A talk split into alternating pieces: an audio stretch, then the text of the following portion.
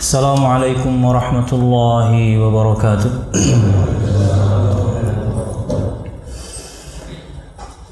إن الحمد لله نحمده ونستعينه ونستغفره ونعوذ بالله من شرور أنفسنا ومن سيئات أعمالنا. من يهده الله فلا مضل له ومن يضلل فلا هادي له. أشهد أن لا إله إلا الله وحده لا شريك له وأشهد أن محمدا عبده ورسوله. قال الله تعالى في القرآن الكريم أعوذ بالله من الشيطان الرجيم. يا أيها الذين آمنوا اتقوا الله حق تقاته ولا تموتن إلا وأنتم مسلمون. يا أيها الناس اتقوا ربكم الذي خلقكم من نفس واحدة وخلق منها زوجها وبث منهما رجالا كثيرا ونساء واتقوا الله الذي تساءلون به والأرحام إن الله كان عليكم رقيبا. يا أيها الذين آمنوا اتقوا الله وقولوا قولا سديدا. يصلح لكم أعمالكم ويغفر لكم ذنوبكم ومن يطع الله ورسوله فقد فاز فوزا عظيما. فإن أصدق الحديث كتاب الله وخير الهدي هدي محمد صلى الله عليه وسلم وشر الأمور محدثاتها فإن كل محدثة بدعة وكل بدعة ضلالة وكل ضلالة في النار أما بعد Hadirin dan hadirat Bapak Ibu jamaah sekalian rahimakumullah Alhamdulillah segala puji dan syukur marilah kita haturkan kepada Allah Subhanahu wa taala yang hingga pada kesempatan tahun ini kita masih diberikan umur panjang hingga kita bisa kembali menjumpai bulan Ramadan dan kita berharap semoga Allah Subhanahu wa taala menerima semua amal ibadah kita khususnya di bulan ini dan umumnya di bulan-bulan sebelumnya. Insyaallah amin. Ya rabbal alamin. Kemudian salawat serta salam semoga selalu tercurahkan kepada junjungan besar Nabi kita Muhammad sallallahu alaihi wasallam juga beserta para sahabatnya, keluarganya dan segenap kaum muslimin yang selalu istiqamah berpegang teguh dengan Islam sampai hari kiamat kelak. Hadirin dan hadirat, Bapak Ibu jamaah sekalian rahimakumullah. E, di salah satu umrah kami, Ulun dan Ustaz Ahmad dan yang lain, Ulun ingat sekali bahkan ini berkali-kali beliau sampaikan Ustaz Ahmad Zainuddin hafizullah kajian-kajian di bis tentunya beliau mengingatkan. Perkara bahwasanya orang yang umroh itu banyak. Orang yang sholat lima waktu on time tentunya banyak. Loh orang pergi ke sana buat itu. Tapi kata beliau yang berprestasi nggak banyak. Ya istilahnya mungkin ada orang-orang yang berusaha setiap malam untuk sholat. Malam kita berbicara di luar Ramadan ya. Ada yang setiap hari orang-orang kemudian yang bersedekah bukan ngasih orang minta-minta yang di sana itu kayak di Mekah misalnya itu banyak toko-toko kebab atau warung-warung kebab itu membuka donasi. Artinya mereka mempersilahkan anda kalau pengen donasi monggo. Satu kebab itu dua real. Kita kasih 100 dapat berapa tuh kita kasih 200 berapa nanti setiap habis subuh ngantrinya. Wow di rata-rata. Artinya ada orang yang seperti ini. Mungkin setiap hari dia berinfak 100 200 real untuk memberi orang makan dengan keutamaan memberi orang makan. Atau kemudian apalagi keutamaan memberi orang makan dan kala itu misalnya Ramadan untuk mereka sahur. Oh luar biasa. Yang umroh kata beliau banyak. Yang sholat ya banyak yang berprestasi nggak banyak yang dengan sedekahnya prestasinya yang kemudian dengan sholat malamnya dengan sholat soft awalnya beliau sebutkan di setiap umroh ulun pergi bersama beliau beliau sampaikan nasihat ini agar orang pergi umroh itu betul-betul bermakna. Pulang betul-betul ini tergembleng di sana entah 9 hari, 12 hari, sebagian orang ada yang 18 hari misalnya. Menjadi insan yang lebih baik karena digembleng di sana ibadah terus. Mungkin juga misalnya dengan baca Al-Quran selama 12 hari umroh khatam.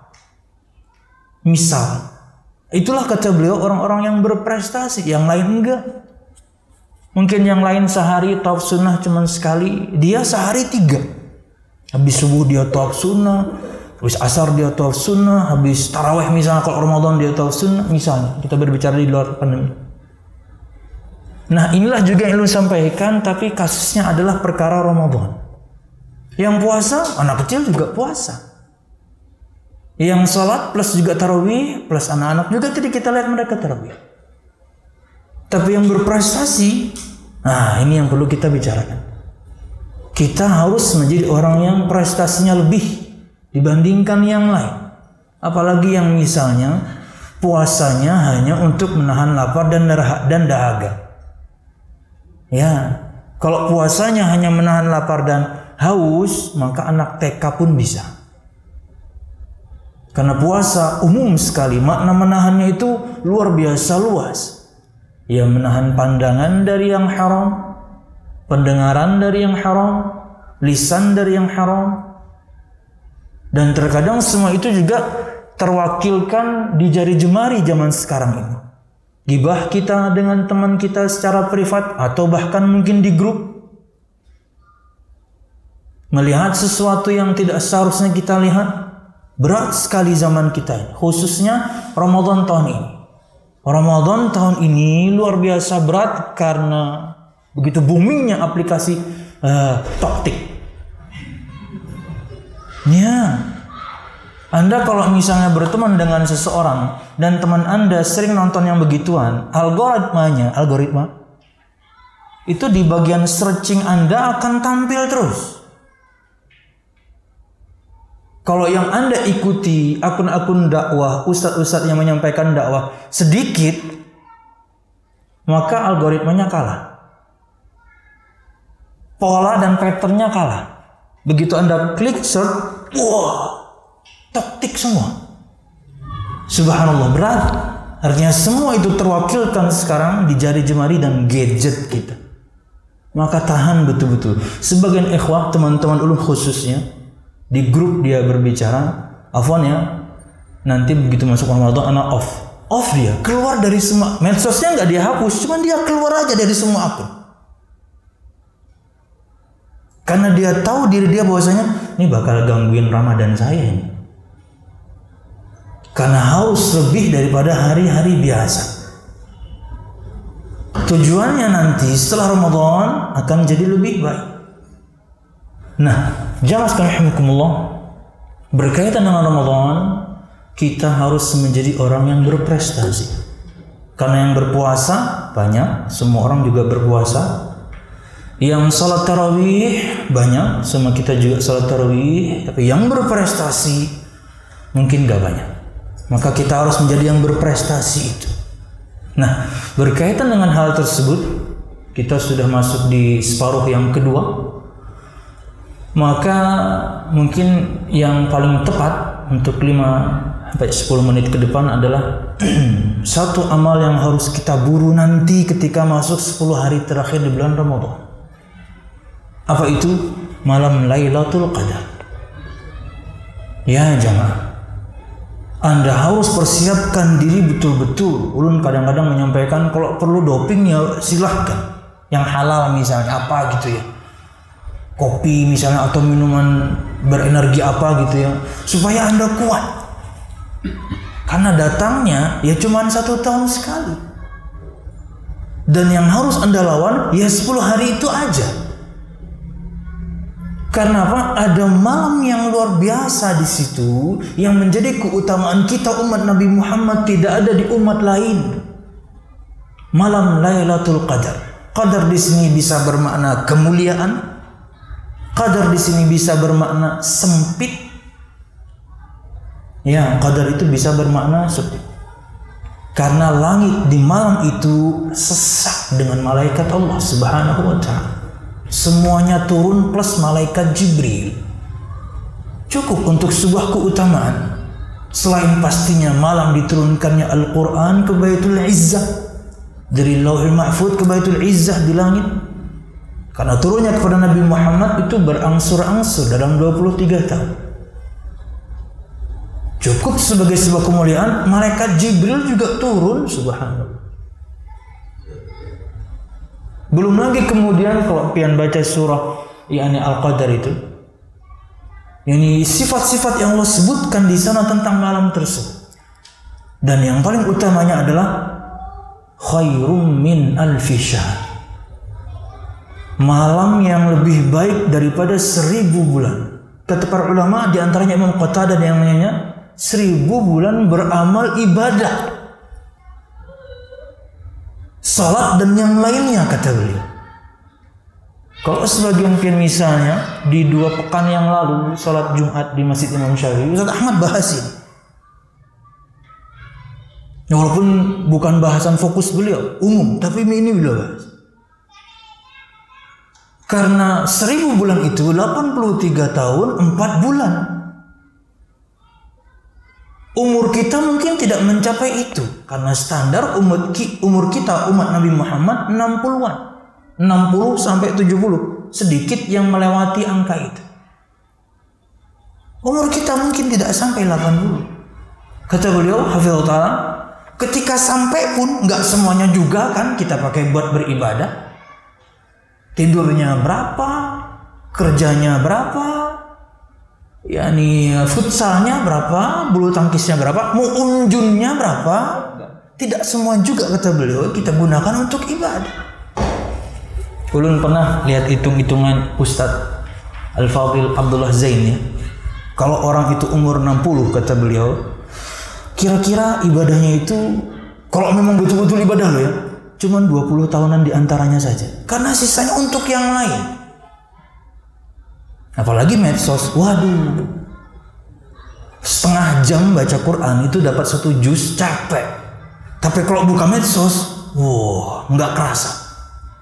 Wah sudah satu jam aja nih, padahal bisa dapat dua jus tadi.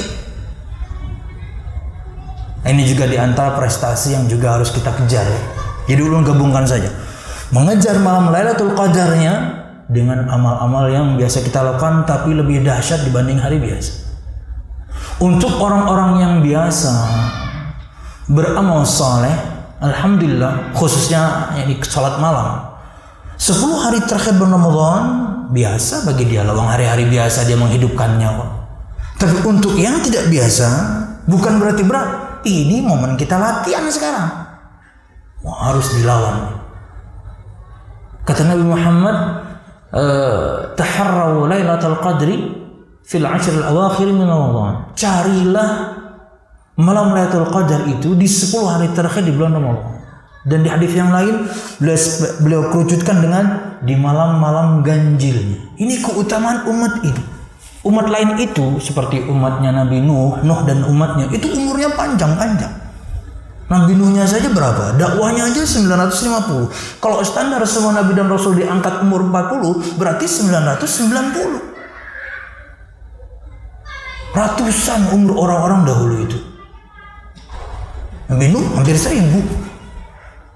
Itu keutamaan untuk umat yang lain. Umat kita ya kata Nabi Muhammad 60 sampai 70 tahun saja. Cuman mereka punya satu malam di mana seseorang ketika beribadah di malam itu setara dengan 83 tahun 4 bulan. Oh, mun kayak itu tapi sekadar saling beribadah aja. Karena aku 10 malam terakhir aku mencobai kada kawa.